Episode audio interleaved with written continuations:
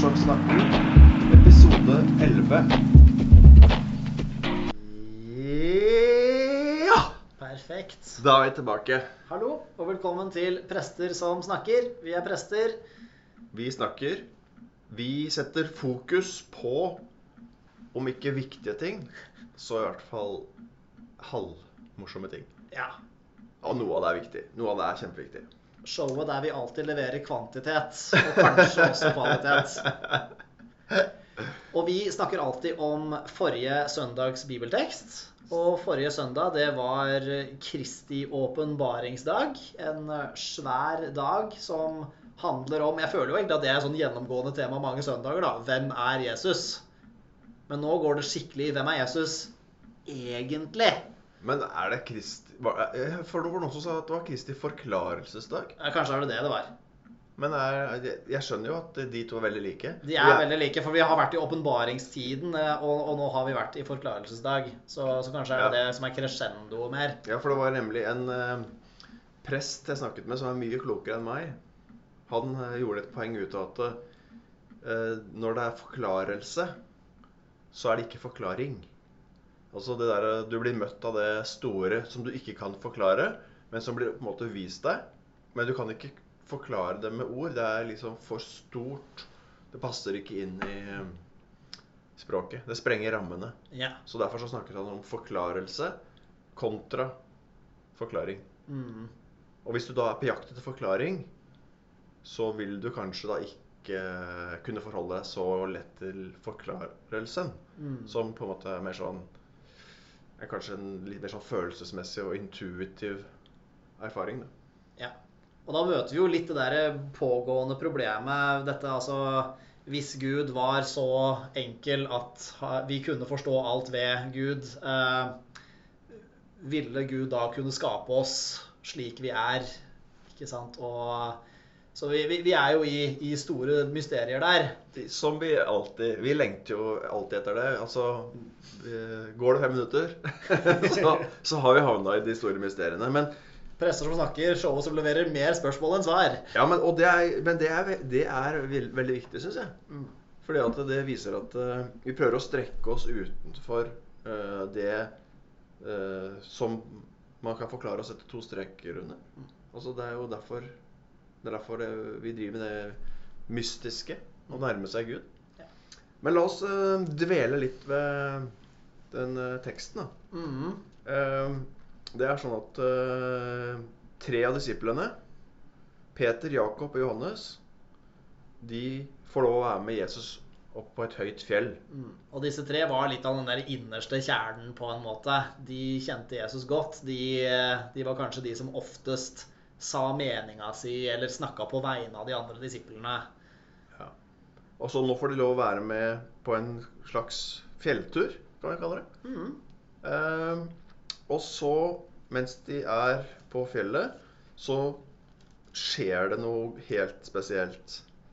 Jesus blir eh, forvandlet for øynene på dem. Mm. Det står at det, klærne hans ble så skinnende hvite at ingen som bleker klær her på jorden, kan få dem så hvite. Mm.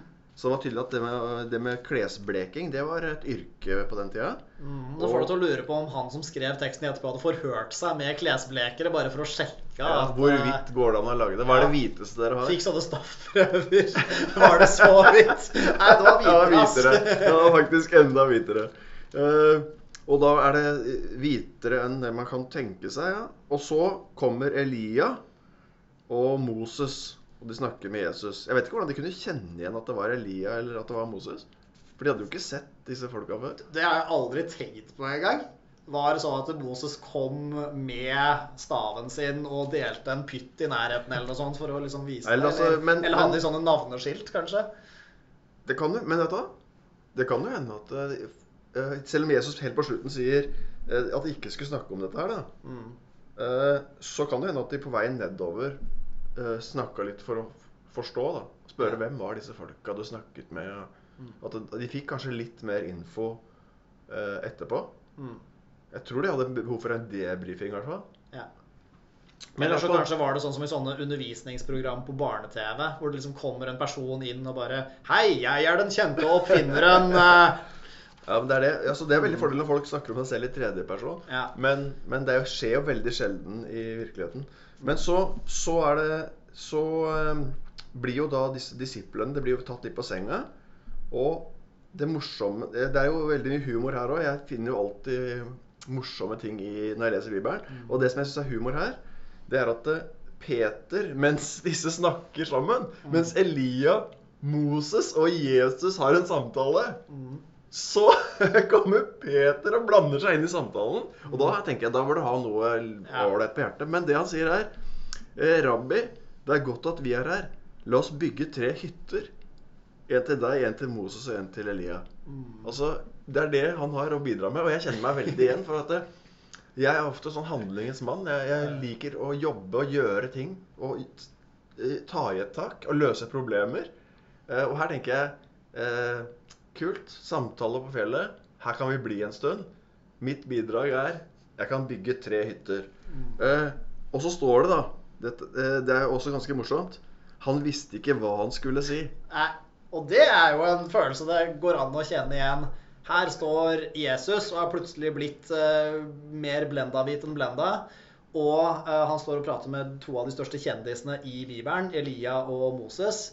Og Peter sitter der og bare må si noe, og så er, så er det det han sier. Ja. La oss bygge tre hytter. Altså, det, som er, det er gøy at det kommer med i teksten. Hmm. Han visste ikke hva han skulle si.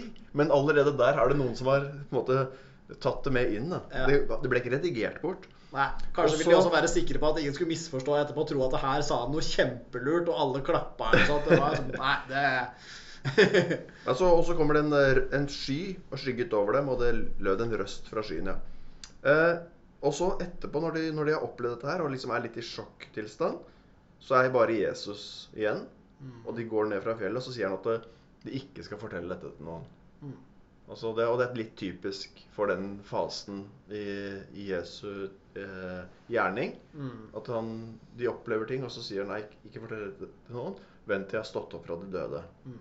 Men selv om han har bedt om å gjøre det, så, så diskuterer de jo fortsatt videre eh, seg imellom.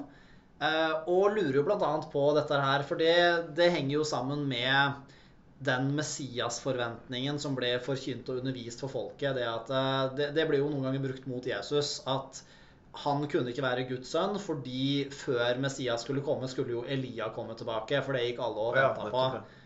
Og, og nå sier jo Jesus, og jeg er jo ikke helt sikker på hva han mener. altså Nå sier Elia har allerede kommet. Mente han at Elia kom nå og hang med meg og oss litt? Grann, eller mente han at Elia kom før? For han sier jo noe om at han kom, og de gjorde med han som, han, som de ville. Slik det står skrevet. Ja. Så det kan jo rett og slett bety, og det er jo interessant, at Elia kom tilbake, og ingen fikk det med seg fordi de var så opphengte i sine egne forventninger og sine egne kanskje tanker om hva Elia ville være og bety. og Men det er jo en veldig lang tradisjon for å identifisere Johannes døperen da, med Elia. Ja, ikke sant? At eh, Johannes døperen er Elia-skikkelsen Mm. som tar opp arven etter Elia. Og han sier jo også 'gjør veien rette for, for eh, Herren'. Mm. Altså, så han tar opp den, den Elia-tradisjonen og på en måte går rett inn i den.